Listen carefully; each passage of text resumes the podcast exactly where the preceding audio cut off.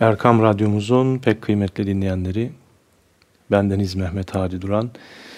Bir İlahi Nefesler programımıza daha hoş geldiniz, sefalar getirdiniz efendim. Efendim bu akşamki programımızda yine sizlere birbirinden güzel eserler sunmaya gayret edeceğiz. Bu vesileyle bu haftayı idrak ettiğimiz Şehitler Haftası'nda şehitlerimizi ve ülkemizdeki menfur saldırılarda hayatlarını kaybeden iman sahibi kardeşlerimizin, vatandaşlarımızın da ruhlarına ithafen öncelikle birer Fatiha ve üçer İhlas-ı Şerif sizden niyaz ediyorum efendim.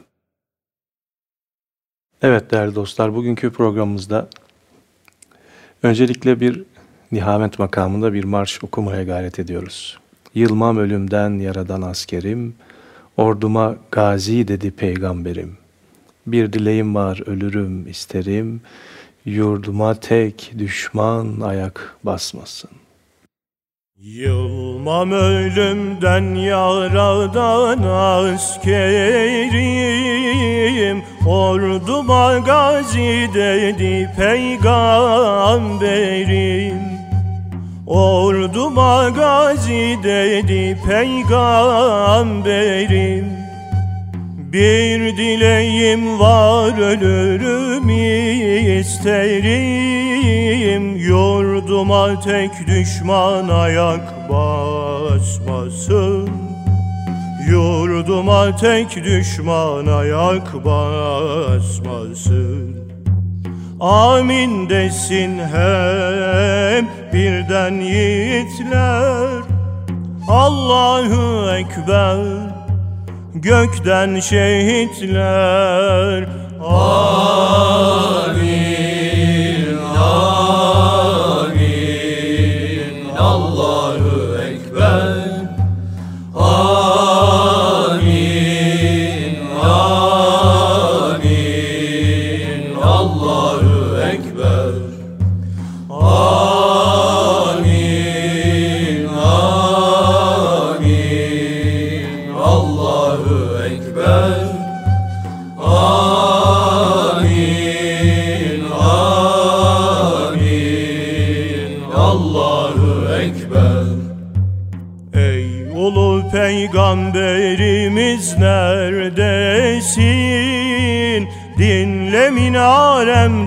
öten gür sesin Dinle minaremden öten gür sesin.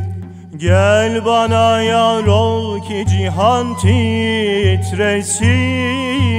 Kimse dönüp süngüme yan bakmasın. Kimse dönüp süngüme yan bakmasın Amin desin hep birden yiğitler. Allahu Ekber gökten şehitler. Amin,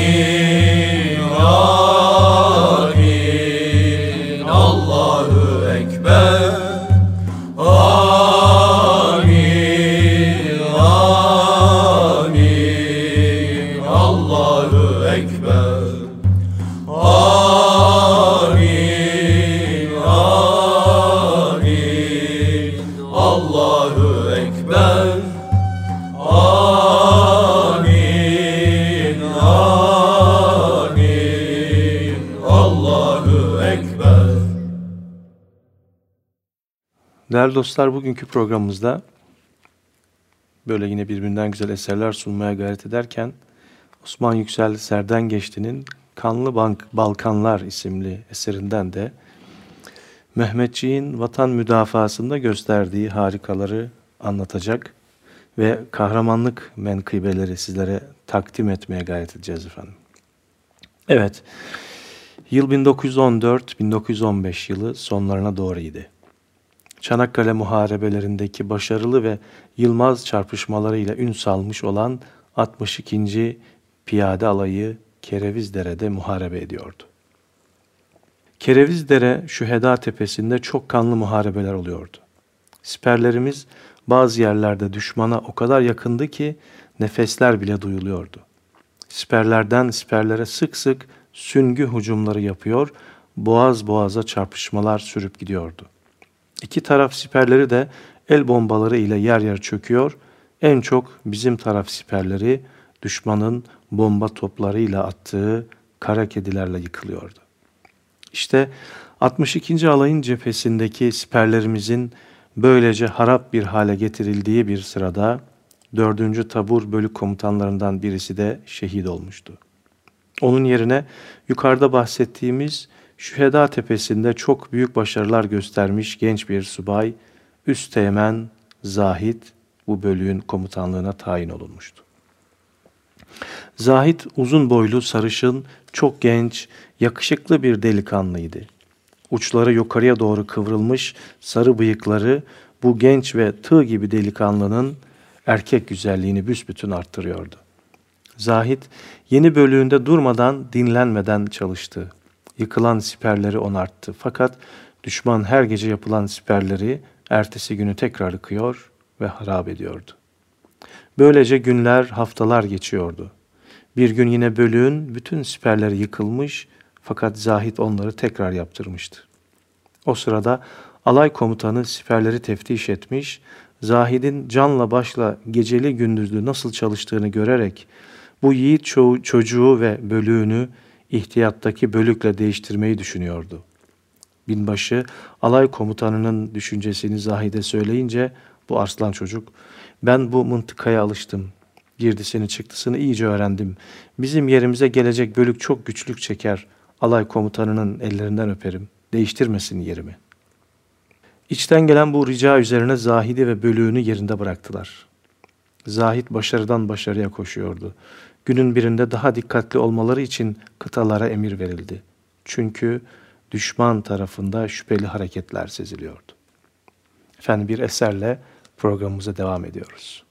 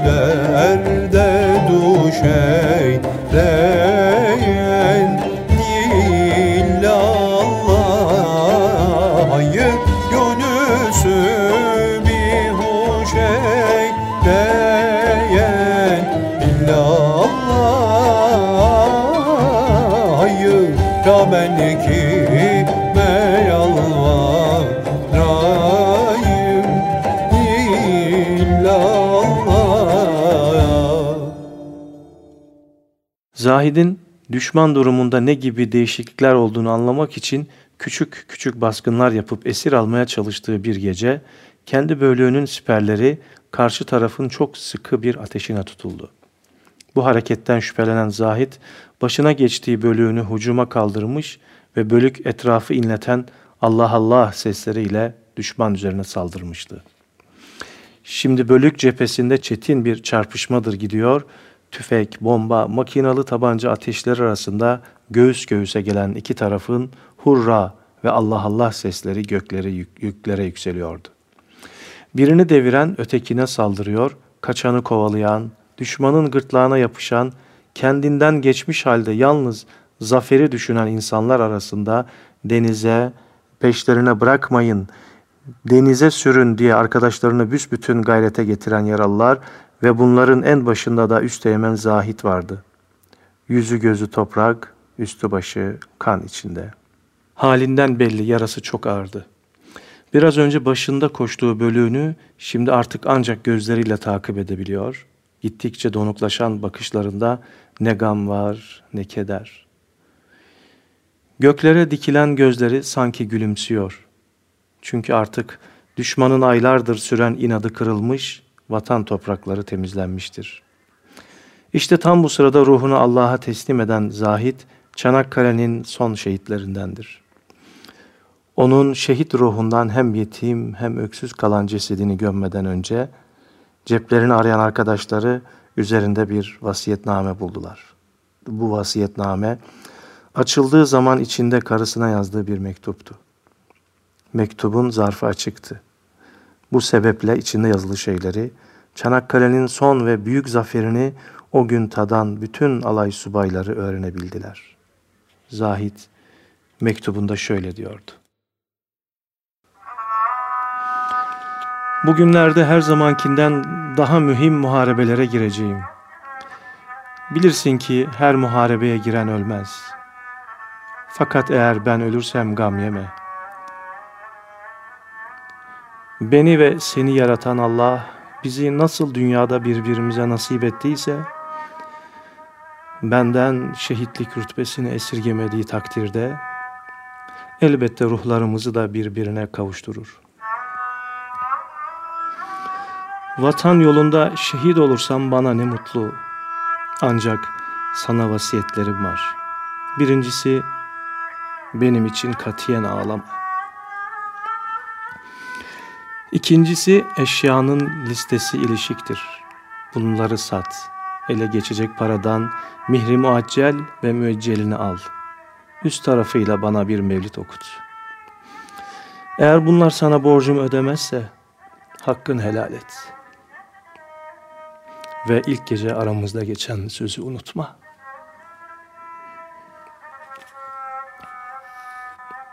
Bu mektubun içinde kırmızı kurdeleye bağlı bir de saç demeti çıkmıştı. Saçın tazeliği bunun mini mini bir yavrunun başından kesilmiş olduğunu gösteriyordu.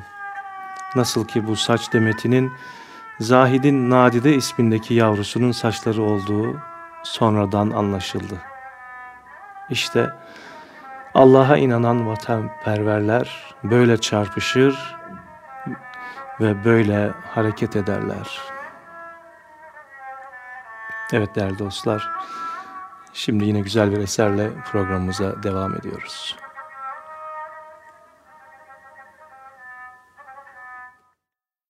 Alma tenden canımı Aman Allah'ım aman Görmeden cananımı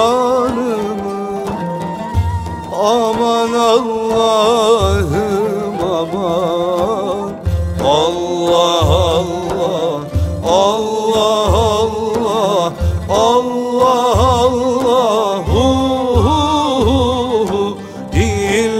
illallahu Aşıkız Muhammed'e Ol Resulü emcede. Koyma bizi firkate Aman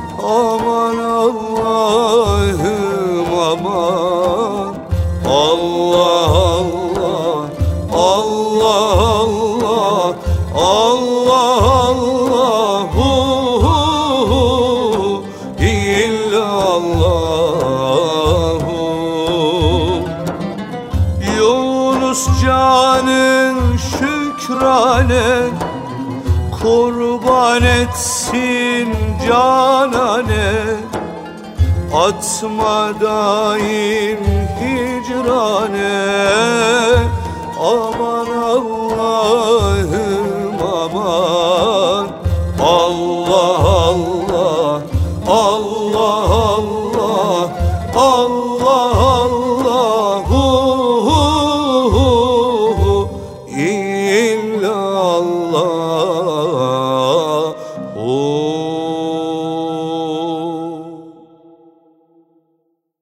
Kadiroğlu Sadık Çanakkale'de ne yaptı? Birinci Dünya Harbi'nde 12-17 Ağustos 1331 Kerevizdere Kurt Kuyuları. Gazi diyor ki, harbin en ateşli ve en müthiş bir gününü yaşıyorduk. Düşmanın piyade ateşinin bombalarına alışmıştık. Onlar artık bize oyuncak gibi geliyordu. Üzerimizden geçen kurşunları hemen elle tutacak gibi idik. Fakat düşman ölüm fırtınaları koparan mermilerini o kadar çok savurdu ve o kadar çok torpil attı ki nasıl olup da siperlerimizin alt üst olmadığına onlardan çok biz şaşırıyorduk. Gece olmuştu. Bölüğümün birinci takım çavuşu bana yaklaşarak Efendim dedi, bizim takımdan Kadiroğlu Sadık şimdi siperden fırladı. Düşmanın gündüz attığı torpillerin patlamayanları var. Onları kucaklıyor, düşman siperlerinin önüne götürüp bırakıyor. Kendisine o kadar söyledik etme be Sadık gel, tehlikelidir dedik ama dinlemedi ve eliyle göstererek işte dedi bakın. Meğer bizim Sadık karanlıkta torpilleri ta düşman siperlerin önüne taşıyor, yerleştiriyormuş. Çağırdım. Sadık ne yaptın dedim. Yarın yine bize atsın diye mi düşmana torpil taşıyorsun? Hayır beyefendi dedi. Onları kendi kazdıkları kuyuya düşüreceğim. Nasıl onlara cephane, mermi, torpil taşıyarak mı? Kusura bakma beyefendi dedi. Bana yarın sabaha kadar müsaade et. O zaman düşman siperlerinde kazılacak kuyuları görürsün. Şafak atar atmaz düşmanın karşımızdaki iki siperi alt üst olmuştu. Hemen Sadık'ın yanına gittim. Aferin Sadık diyecektim. O daha evvel beyefendi bak dedi. Akşam dediğim kuyuları görüyor mu? Ne oldu? Ne yazık ki akşam üzeri bir kurşun bu aslan çocuğu şehit etti. Efendim bir eserle yine programımıza devam ediyoruz.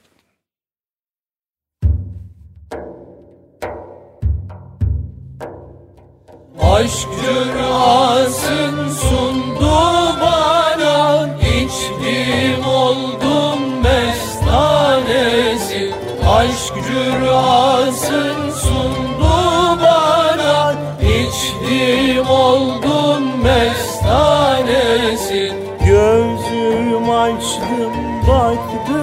gördüm. Aşktan yüce meyhanesin. Gözüm açtım baktım gördüm. Aşktan yüce meyhanesi Birim yolu doğru yoldur. Bu söylenen gayrı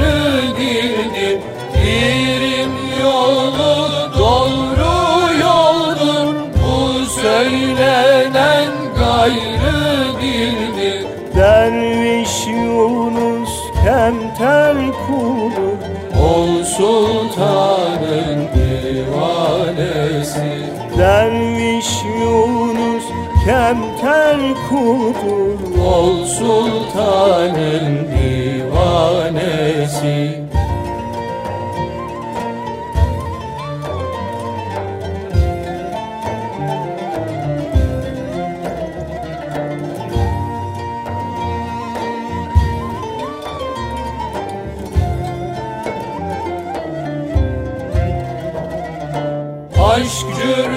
cürasın sundu bana. İçtim oldum mestanesi Aşk cürasın sundu bana. İçtim oldum mestanesi Gözüm açtım baktım gördüm.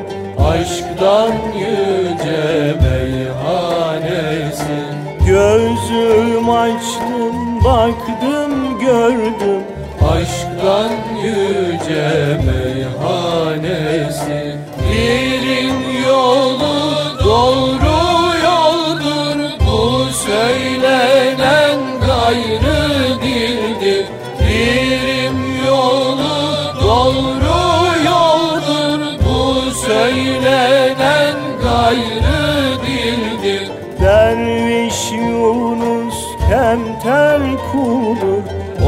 sultanın divanesi Derviş Yunus kemter kuldur Ol sultanın divanesi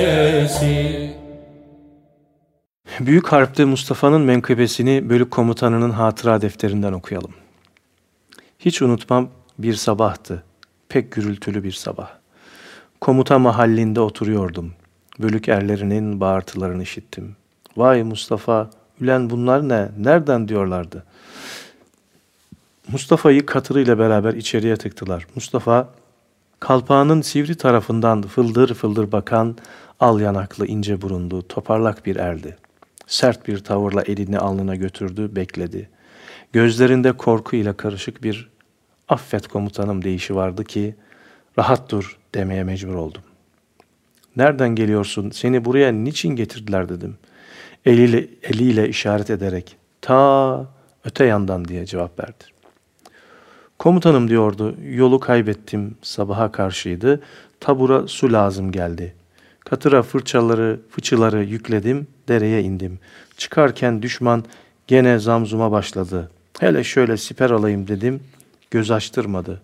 Önüme çalılık bir yol çıktı. Hayvanı çektim meğer bayırmış. İkimiz de kendimizi tutamadık. Gülle gibi indik içlerine. Düşmanlar fan fin fon diye bağırıştılar. Gözün kör ola Mustafa dedim. Dedim dedim emme ve lakin iş işten geçmişti. Herifler etrafımı sardılar. Ve lakin kurtuldum. Katırı tekrar yükledim. Sonra bir yarım sağa döndü. Uzunca kulaklı bir katır arkasında duruyordu ve safiyetle devam etti. Vallahi çocuklar ne devenin ne de balığın güldüğünü görmedimse de bu katır sırıtıyordu. Bu kadar yükten bu katırın beli nasıl kırılmamıştı bilmem.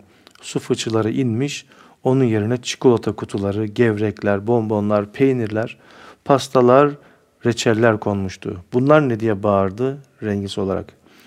İte kaka beni sürdüler, bağladılar. Tekme tokat, yumruk gırla gidiyordu. Bir iki ben de yerleştirdim ama neyleyim çok, çokluktular. Katırın ipi elimde bırakmıyordum. Gitgide bol ışıklı bir yere, gözü tek camlı bir İngiliz'in karşısına diktiler. Sırmasından anladım, subaydı. Resmi selam ifa edemedim. Ulan çözün beni diye bağırdım. Etrafına bir şeyler söyledi. Tercüman getirdiler. Herife dedim ki, komutana söyle kendisine bir diyeceğim var. Bunun üzerine beni çözdüler. Hemen zıpladım, resmi selam ifa ettim. İri dişlerine gösterip güldü. Emme ben de dayağı yerken ne işleyeceğimi kurmuştum. Kaçakçı mısın dedi. Kabul etmem dedim. Nerelisin dedi. İstanbulluyum dedim. E burada ne halt ediyordun dedi. Ağzını bozma depelerim dedim. Silleyi patlatacaktım emme önüme geçtiler. Ulen sen beni bırak yüzbaşıya bir diyeceğim var dedim. Meramımı onun diline çevirdi. Ben de hilemi kıvırmaya başladım. Bir güzel öksürdüm. Sonra dedim ki beyim ben kırba, kırba gibiyim. Yaniye bölüye su taşırım. Bizim tarafta Cenab-ı Mevla'ya çok şükür sudan bol ne var? Emme sizin tarafta çok eksik. Bizim binbaşı beni çağırdı. Mustafa fıçıları doldur, katıra yükle. Ta karşı siperde düşman susuzluktan ölüyor. Biz karşımızda süngümüzle geberecek düşman isteriz. Susuzluktan değil.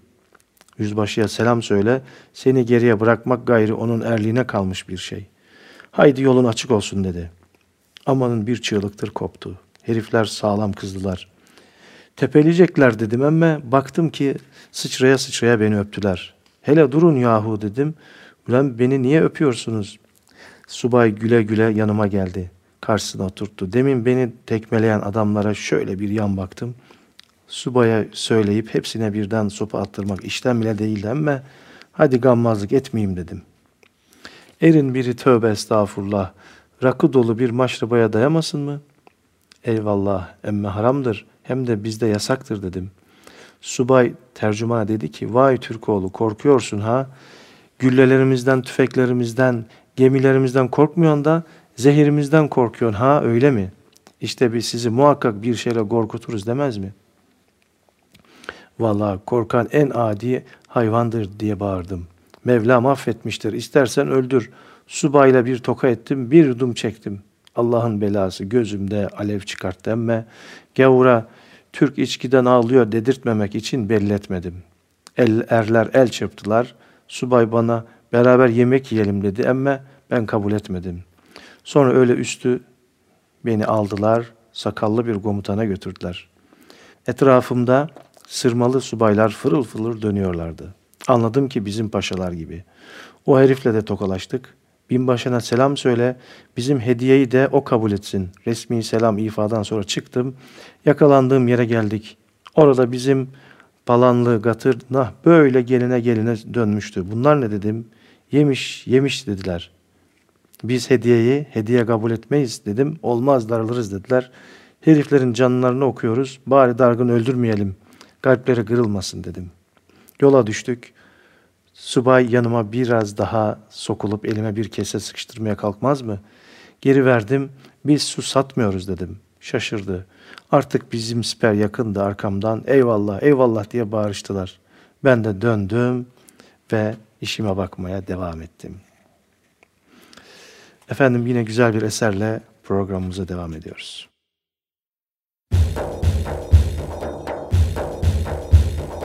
Lütfuna mazhar olan cennetine girmez mi?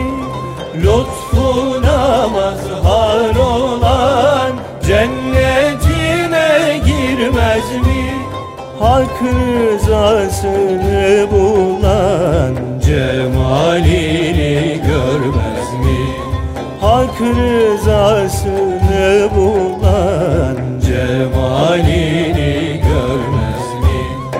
Aşk ile püryan olan Hidesi giryan olan Aşk ile püryan olan Hidesi giryan olan Sivadan üryan olan Vuslatına ermez mi? Sivadan üryan olan Vuslatına ermez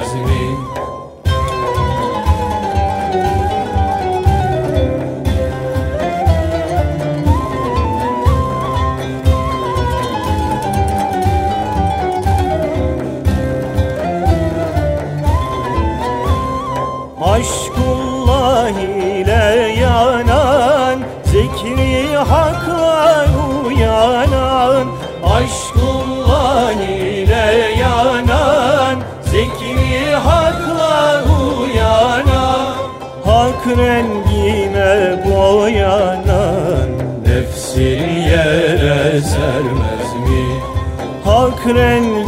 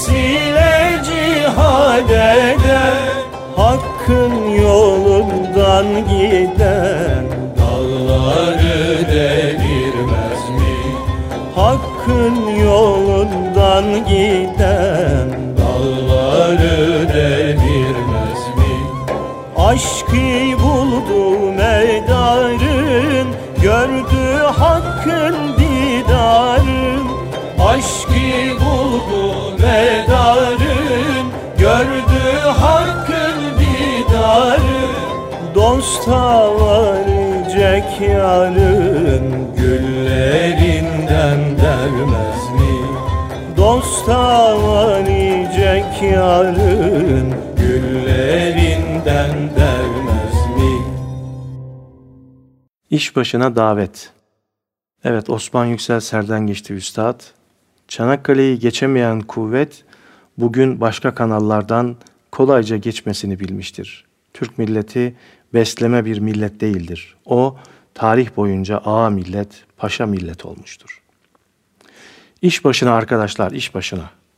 Herkes işinin başına, yaşına bakmadan bu çağrımıza kulak vermelidir. Öyle bir dünyada ve öyle bir cemiyet içinde bulunuyoruz ki kaybedecek değil bir günümüz, bir dakikamız dahi yok. Bütün Allah'a inananlar sonsuza hiç ölmeyecek, bitmeyecek olana, ebediyete inananlar bir cephede toplanmalıdırlar. Bu, ce- bu cephe, bu mücadele mukaddeslerin, vicdanların, imanların, insan haysiyet ve şereflerinin müdafası mücadelesi cephesidir. Her an, her zaman kendi nefislerimizle etrafımızı saran, kuşatan şer kuvvetlerle mücadele halinde, harp halinde olduğumuzu unutmamalıyız. Harpler yalnızca topla tüfekle olmaz. Bu devir daha çok imanlılarla imansızların, vicdanlılarla vicdansızların mücadelesidir. Onun içindir ki birbirimize düşmeden, birbirimizi küçük görmeden ayrılığı, gayrılığı, şahsi kin ve nefretleri bir tarafa bırakarak tek vücut halinde bu cephede toplanmalıyız ve toplanacağız inşallah. Evet değerli dostlar, yine güzel bir eserle programımıza devam ediyoruz. Bakıp cemali yâre çağırıram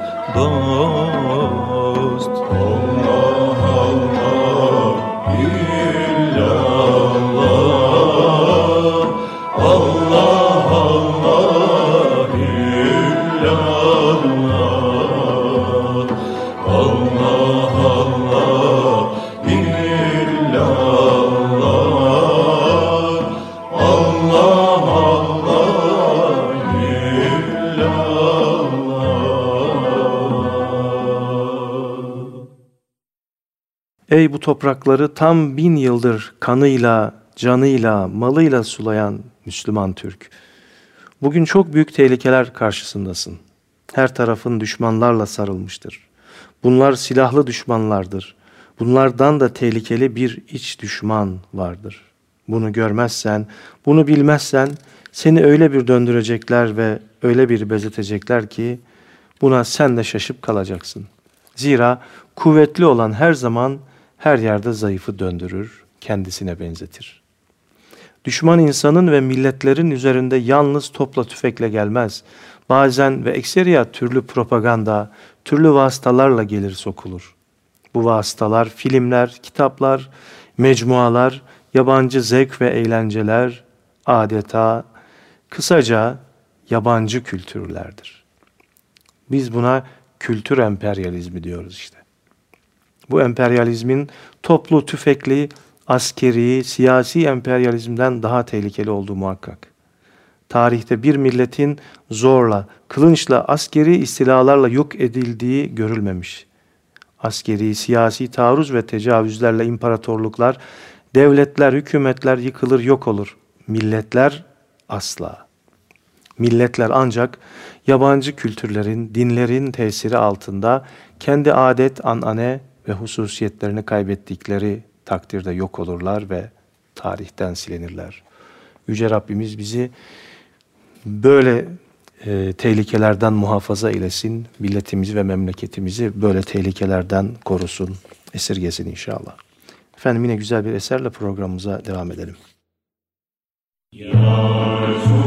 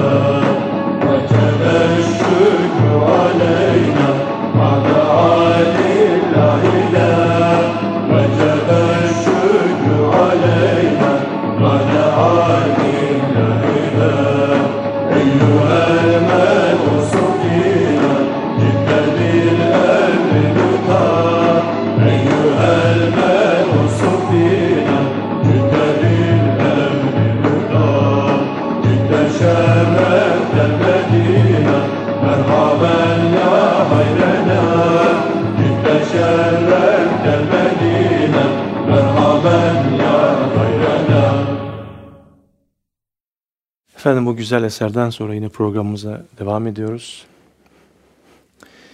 Biraz önce Osman Yüksel Serden Geçti'nin Kanlı Balkanlar, Kanlı Balkanlar isimli eserinden Çanakkale ile alakalı olan bölümleri okumaya gayret etmiştim.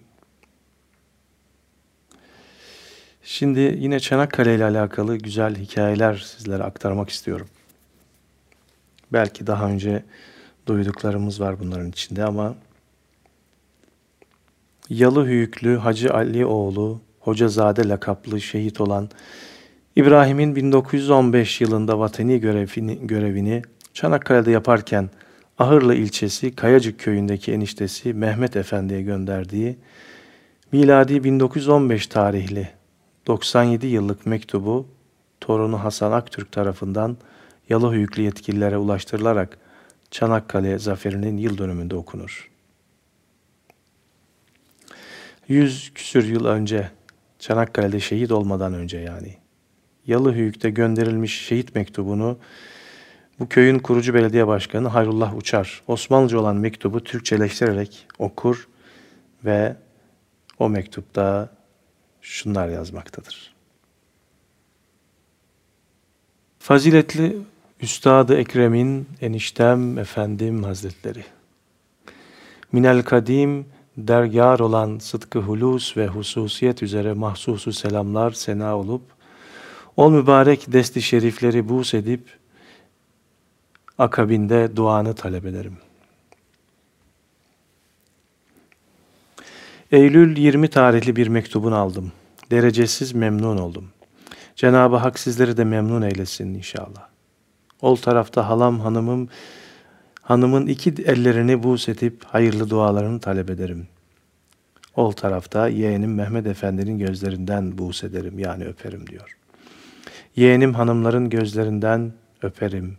Hemşirem hanıma selam ederim. Ol tarafta Ahmet Efendi'nin, Abdullah Efendi'nin durum e, canibine yani yakınlarına, Faziletli Musa Efendi'nin yedi şerifini takbil ederim. Yani ellerini öperim. Biraderim Şakir, 47. alayın birinci taburu 3. bölükte, birinci takımda ikimizin mesafesi birdir. Fakat harçlığımızdan sual eder isen, bir ay, üç adet mecidiye ödünç aldık, anı harcadık. On paralık tütünü bir kuruşa alırız. Buna göre hesap et. Mecidin birini Cüce Hasan'dan aldım. ikisini Demirci Hacı Hafız Efendi'nin Mehmet hocasından aldım. Şayet Allah emrinde gidersem eda edin, ödeyin. Mehmet hocanın da parasını vermeniz gerekli. Acele harçlık göndermenizi rica ederim. Şimdiki halde kardeşim Şakir'de fakat Şakir'in meyüz olduğuna ben razı olmadığım gibi siz de razı olmayın. Yani o rıza göstermiş, bağışlamış ama siz rıza göstermeyin, ödeyin borcumu diyor. Allah aşkına ol tarafta olan eşimiz evvel Allah sonra size emanet. Bir hizmetkar bulamazsan camuştan birini sat, birini birinin yanına güdüver. Cenab-ı Allah iyi yapar inşallah. İyidi şerifiniz mübarek olsun ve bu da geçer yahu deler de geçer diyerek mektubunu bitirmiş. Evet değerli dostlar, böyle ne, ne acıklı ne gerçek gerçekte ne kadar mana dolu mektuplar var. Onlardan birkaç tanesini daha okuyacağım sizler ama öncelikle bir ilahiyle daha programımıza devam ediyoruz. Gaflet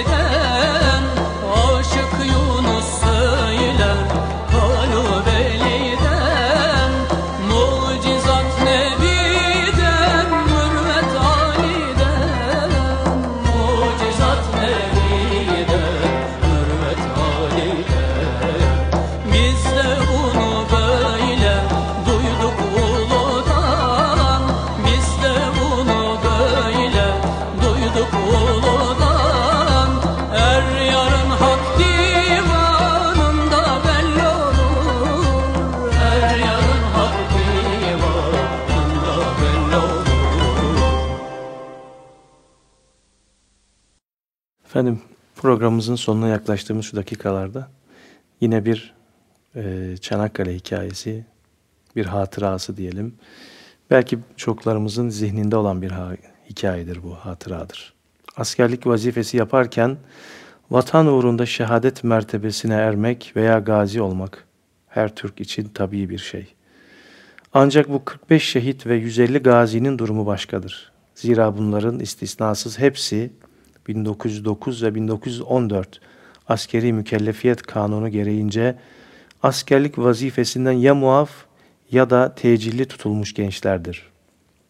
Bu iki kanun sultani mektepleri, talebe ve mezunları askerlik vazifesinden maksureli ettiği gibi Balkan Harbi sırasında mer'i olan 1909 kanunu da üstelik bütün İstanbul halkını askerlik vazifesinden azade kılmaktadır.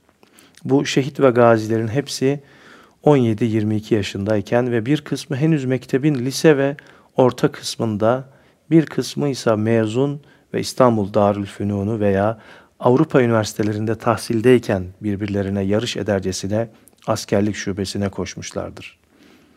Ve gönüllü olarak askere yazılmışlardı. Hatta işlerinde Irak cephesinde şehit düşen 646 Celal İbrahim Seferberliğin ilanı ile beraber geceden gidip askerlik şubesinin kapısında sabahlamış ve bir numaralı gönüllü yazılmak şerefini elde etmiştir. Galatasaraylıların bu şüheda menkıbeleri arasında dünyada eşi de eşi bulunamayan bir tanesi gazeteci Ziyad Ebu Ziya şöyle dile getiriyor. Üç aylık bir talimden sonra Mehmet Muzaffer zabit namzedi olarak Çanakkale'deydi. Mart 1916. Müttefik İngiliz ve Fransız kuvvetleri Çanakkale'de uğradıkları mağlubiyetlerden ve verdikleri 150 bin zayiattan sonra boğazı aşamayacaklarını anlamışlar. 1915'in son haftasıyla 1916'nın ilk haftasında bütün hatları tahliye edip çıkıp gitmişlerdi. Muzaffer Çanakkale'ye vardığında harp durmuştu. Zaman zaman İmroz ve Bozcaada'da üstlenmiş düşman gemileri ve uçakları bombardımana bombardımanda bulunuyorlarsa da 1915 Nisan'ında Aralık sonuna kadar 8 ay süren kanlı boğuşmalarla kıyasla bu bombardımanlar hiç mesabesindeydi. Çanakkale'deki birliklerin büyük bir kısmı Kafkas, Irak ve Filistin cephelerine sevk edeceklerdi. Hazırlanma ve noksanlarına ikmal emri aldılar. Muzaffer Birliği'nin alay karargahında görevliydi. Alayın kamyon ve otomobil lastiği ile diğer bir takım malzeme ihtiyacı vardı. Bunlar ise ancak İstanbul'dan sağlanabilirdi. O devirlerde bu gibi basit mübayalar için arttırma yapmak, ilanlarda bulunmak ne adetti ne de bunlarla kaybedilecek vakit vardı. Her şey itimat ile yürürdü.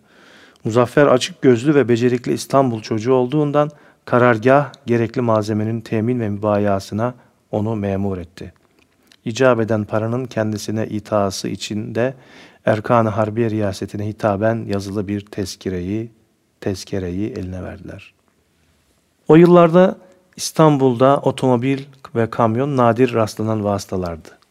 Efendim buraya geçmeden önce bir eser daha dinleyelim. Ondan sonra da bu hikayeyle zaten programımızı bitireceğiz. Ah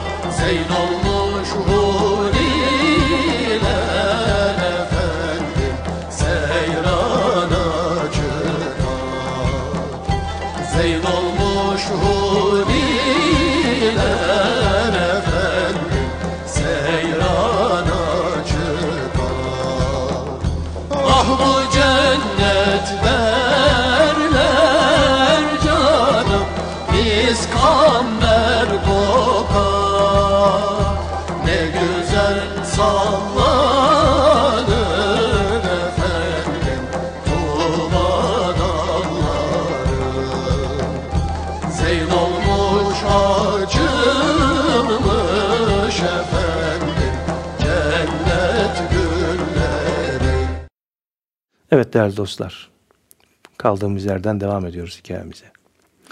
O yıllarda İstanbul'da otomobil ve kamyon nadir rastlanan vasıtalardandı. Bunların lastikleri de yok denecek kadar azdı ve kara borsaydı. Muzaffer aradı, uğraştı. Nihayet Karaköy'de bir Yahudi de istediklerini buldu. Fiyatlar pek fahişti ama yapacak başka bir şey yoktu. Anlaşmaya vardı.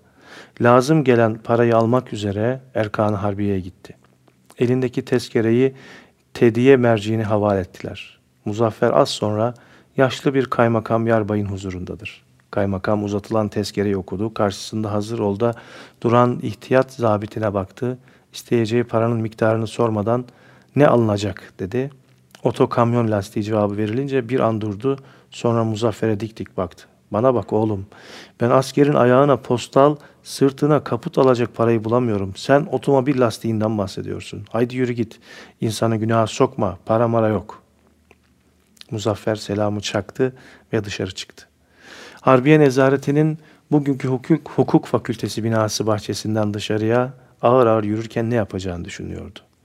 Malzemelere alayın ihtiyacı vardı. Elindeki Almanların verdiği iki Mercedes kamyon ve iki binek arabası lastiksizdi. Diğer malzemeler de mutlaka lazımdı. Kendisi bulur alır diye görevlendirilmişti. Malzemeyi bulmuştu ama fa- fakat para yoktu. Eli boş dönemezdi. Bir çaresini bulmak lazımdı. Muzaffer bunları düşüne düşüne Beyazıt Meydanı'na vardı. Birden durdu. Kendi kendine gülmüştü. Aradığı çareyi bulmuştu. Doğru tüccar Yahudinin yanına gitti. Paranın tediye muamelesi akşamüstü bitecek. Ezandan sonra gelip malları alamam. Gece kaldıracak yerim yok. Yarın öğleden evvel vapur Çanakkale'ye kalkıyor. Yetiştirmem lazım. Onun için sabah ezanda geleceğim. Malları mutlaka hazır edin. Tüccar peki dedi. Muzaffer tam ayrılırken ilave etti. Altın para vermiyorlar, kağıt para verecekler. Yahudi yine peki dedi. Ertesi sabah Muzaffer Merkez Kumandanlığından sağladığı araba ve neferlerle ezan vakti Yahudinin kapısındaydı. Ortalık henüz ışıyordu. Tüccar malları hazırlamıştı. Hava gazı fenerinin yarım yamalık aydınlattığı loşlukta mallar arabaya yüklendi. Muzaffer bir yüzlük kaime, yüz liralık kağıt para verdi. Araba dört nal sirkeciye yollandı. Malzeme şat'a oradan Duba'da bağlı gemiye aktarıldı. Az sonra da gemi Çanakkale yolunu tutmuştu. Üç gün sonra Yahudi elindeki yüzlük kaimeyi bozdurmak üzere Osmanlı Bankası'na gitti. Bozmadılar zira elindeki para sahteydi.